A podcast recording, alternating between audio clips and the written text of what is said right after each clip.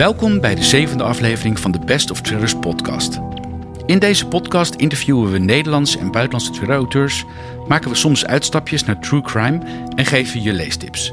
In deze zevende aflevering spreken we met Robert Brinsa. Hij brak internationaal door met Het meisje in het ijs, met in de hoofdrol inspecteur Erica Foster. Onlangs verscheen in deze serie het zevende deel, getiteld Fatale Waarheid. Mr. Bryndza, very welcome in this podcast. Thank you for your time. Uh, after Thank writing uh, six books with Erika Foster, you started the second series with Inspector Kate Marshall. And now Erika Foster is back in Fatal uh, Witness, translated here as Fatale Waarheid. Um, before we get into the story, um, what are your, uh, sorry, what in your vision are the most important differences between Erika and Kate? Um, well, th- thank you for having me. I'm really pleased to be here. Um, I think the main difference between Kate and Erika is that Kate is British and Erika is uh, is not. Okay. because I think that Erika Erika has Erika is very direct and she has the sort of uh, Eastern European directness and bluntness, where I think that Kate Marshall uh, is slightly more reserved in the way she uh, the way she goes about things. Um, but I do think they're both they're both very determined and um, very tenacious characters. And who was closer to you yourself? I think Kate, Okay. because I think that yeah, I, I would love to be more like Erika. I'd love to be much more um, confident to be direct. But Okay. the Britishness is ingrained in me. I think. Okay. you can't get loose of that. No. Okay, okay. So while you're writing about Erika, you're you're feeling more comfortable. Uh, maybe not uh, very close to yourself, but uh, she's more character you're longing to be. Yes, and she's because also because I live in Slovakia now. Um, she's very much. Uh, I've, I, I have more inspiration, I think, for Erika with, from the people around me because. Um, well, I, I mean, saying that I want I want to be more like Erika. I suppose I've I've lived outside of uh, of the UK now for so many years. I think some of my British reserve has rubbed off a little bit, and I'm a bit more direct. But um, Okay, so you're you're slowly changing from Kate to Erika. yes, that's a very good way of putting it. Yeah. Okay, it's a, it's a kind of uh, uh, freedom you're searching in writing about Erika, to be more direct.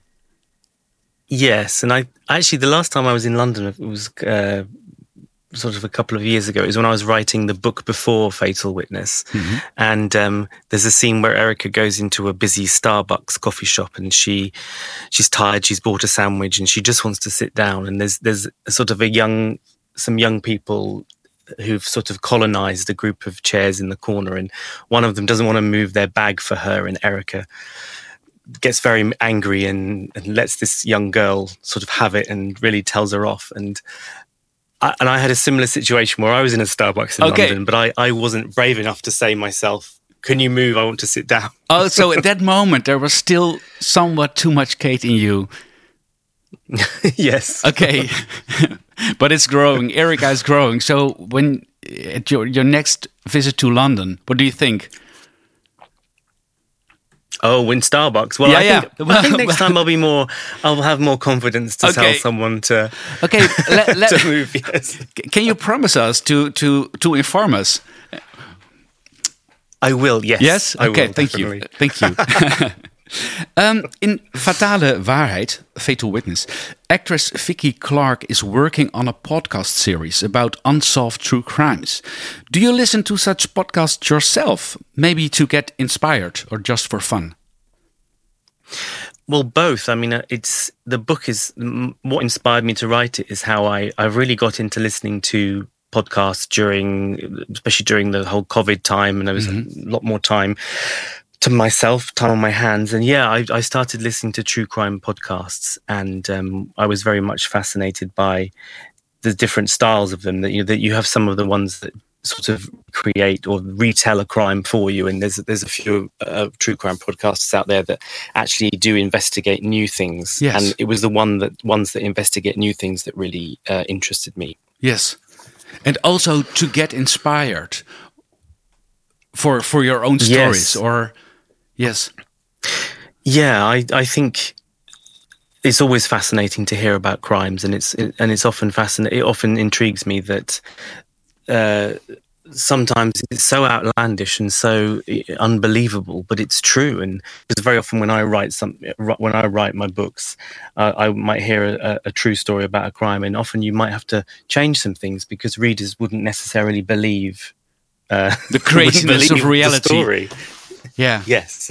yeah the the the the the, real world is sometimes stranger than fiction so you have to Yes, get I mean, I- things uh, uh, you have to um, remove some things to make it a story one can believe Yes, yeah, I, I I can think of one example. I heard of a story of someone was kidnapped in a in a car, and uh, I think it was a woman. And just bef- when she, uh, just when she the car was driving off, she managed. She had uh, uh, some money in her pocket, and on on a on a banknote, she wrote was able to write down a, a, a note, something like "Help me," or and then just as the car drove drove away, she threw it out of the window, and that's how they managed to rescue her. And I mean, that's that's to me that's incredible, but it's very Yes. outlandish. yeah yeah. Uh, so, and that's a real story. that's a real story yeah yeah.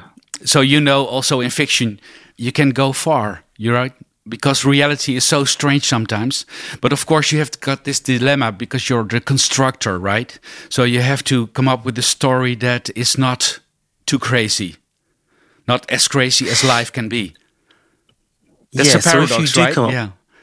It's the paradox, yeah, because if you do come up with a crazy story, I mean, often you have to really ground it in reality, uh, in reality first, and that's Yes. one of the hardest things that I find is you always have to come from a point of um, reality. yes And for me, I always take the example of the movie The Exorcist, which is obviously it's not a crime movie, it's a horror movie.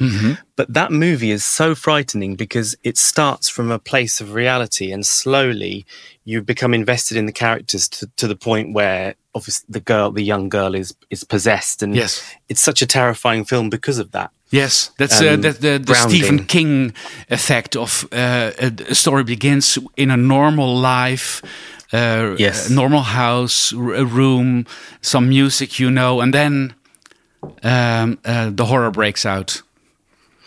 Once he's got you Yeah. in his grip, yes. Yes. that's yes. what I love about Stephen King. Yes, Yes. he takes you off into all kinds of places. yeah, I recognize this a lot. Yeah. Um, um, working on an episode about sex crimes that took place on the drama school she took lessons herself, Vicky gets uh, in deep trouble. Um, in Holland, crime journalists uh, have been threatened. One of them got even killed last year. How's that in Slovakia and in in uh, the UK?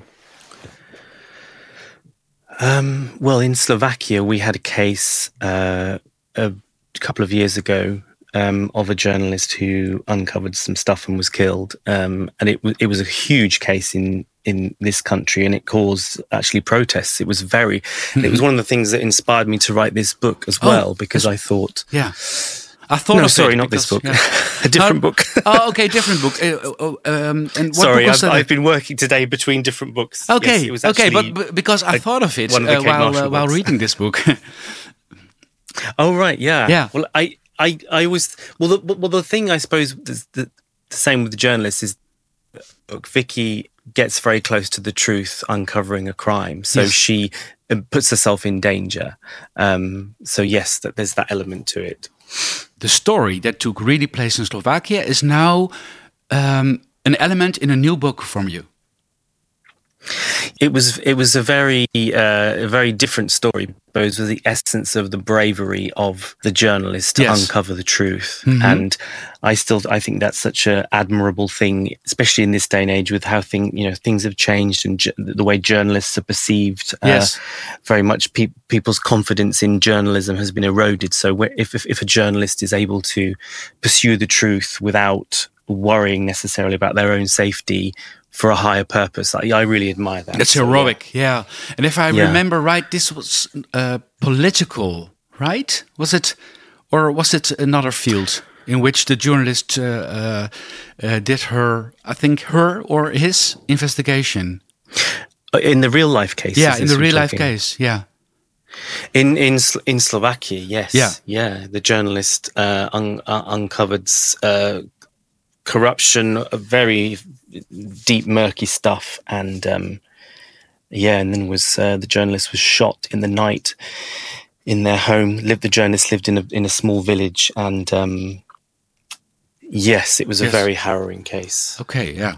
Well, um, let's hear it for the journalists because they are very important in controlling our uh, our state, and uh, also in Holland we um, we have a lot of uh, um, discussion about uh, threatened journalists.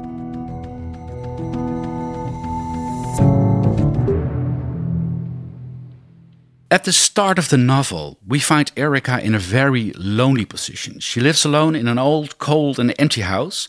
She has just bought it and sleeps on the floor. When she meets her colleague and ex lover Peterson with his new wife in a bed shop, she is really down and out.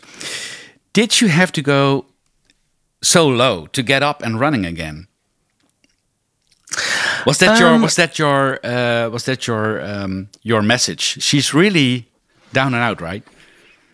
Well, I actually that's an interesting way to look. I actually thought she's in a very positive position because she's after you know she's in the f- the very first book in the series. She loses her husband and she comes to London and she's she's been living a very transient life for the past few years, renting and and not putting down roots. And with this house, I I sort of feel like she is putting down roots and she has got herself a home. And- Okay, yeah. Well, that's that's Yeah. okay. I, I can imagine that you you look at it that way.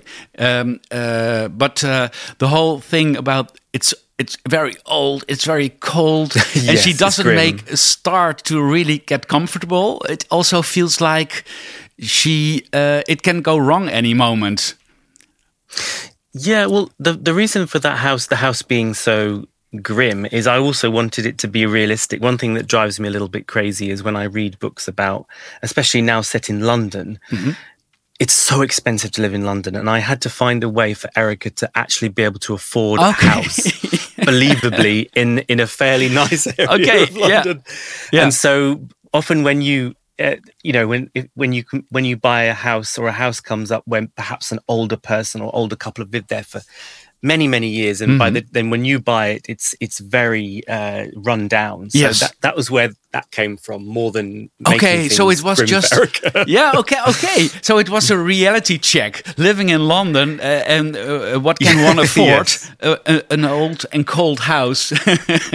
Yeah. Uh, and um, Yeah. yeah, okay, okay. Well, that's positive, Robert. That's positive. That's a better way to to to look at Erika at that moment. So uh, I'll take that from from you. Um, um, when Erika interrogates Vicky's sister Tess, you let her wish her colleague Moss would be there, because Moss, in her view, would be more empathetic. But I have the impression that Erika is getting better in combining being human and being a police inspector. What are your thoughts about that? Yeah, I think she is, and I I do want to have that balance between her, uh, sort of being more empathetic and, and not losing her character. There's one reviewer really summed it up for me, which was brilliantly, and, and they said that because the first book in the series, uh, the English title is "The Girl in the Ice," and they said as well as the the the the victim of the crime being the girl in the ice, it's like Erika is frozen from the grief and over the series she's slowly thawing out. And i kind of always keep that in my mind that erika starts to come back to being a more empathetic and grounded person. But it's it's quite difficult because obviously she still has to remain herself and impetuous and uh she has quite a lot of anger that drives her. So yeah there's finding that balance. But um Yeah. uh yeah. So I think she's getting more and more empathetic, but it's also a fight for her. It it remains a fight. I think so. Yeah, fight for her, and I don't want to to give a, a spoiler away, but she meets someone from her past in the book who is also from Slovakia. yeah, yeah. yeah. I will. I will. I will. Uh, there's a question about him. There's a question about him. just, Okay. Just wait. um, at some points in the story, uh, people appear to be someone else than Thirst thought, even literally. Is that aspect of false identification an element you like to play with? And is that how you experience life itself? Well, yes. I mean, I in terms of how people uh, present themselves and um, how one example always strikes me is that very often you can walk down the street and see people who are homeless. Uh, you know, they don't have any home. They're they're living on the street, and they are invisible. And they, there's no reason for them to be invisible. They're still people. They're still living, breathing people that mm-hmm. have problems, and and that's always strikes me uh, as as something to remember in my books is that um, it's the perception of people or how people are noticed, and then that that that then leads into how people can deliberately disguise themselves or how mistaken identity can cause all kinds of um, problems and misidentifications and things like that. And it's it, that the whole concept fascinates me. So yeah, yeah, I love putting it in my books. Yeah, and it's it's a very strong element in the story, and it's working. It's working uh, very good. So that's one of the um, big big. Um, uh, things in your in your in your stories, and uh, I like it a lot. Um, Thank you. Erika has an unexpected encounter. There's the man uh, with a man who appears to be her first boyfriend in the time she was still living in Slovakia. Can you tell us something about their past? And is there any chance they will fall in love again, do you think?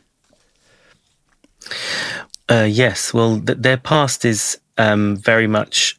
Uh, uh Erika left Slovakia to move to England. So he he was uh, in a part is very different. It was the person she was before she left her homeland and came to England, and then all the things happened to her afterwards. So, um, I think reconnecting with him is uh, a very positive thing for her because it brings her back to her past, a, a happy point of her past, because so mm. much of Erika's past is horrific with what's happened to her.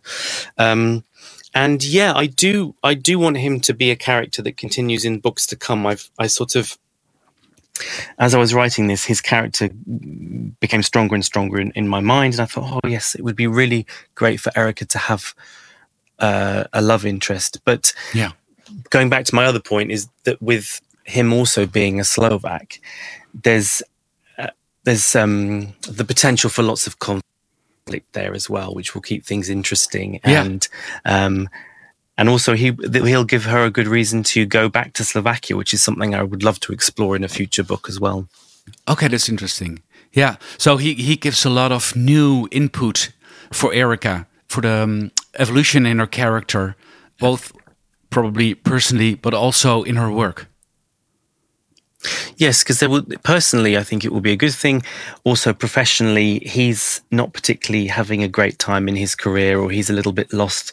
She's a very career-driven person, yeah. and I think sometimes when the woman, when the the female in the partner is more successful than the male, that again causes conflict, which is is music to my ears because conflict is what drives books. So it's all very exciting for the future of Erika Foster.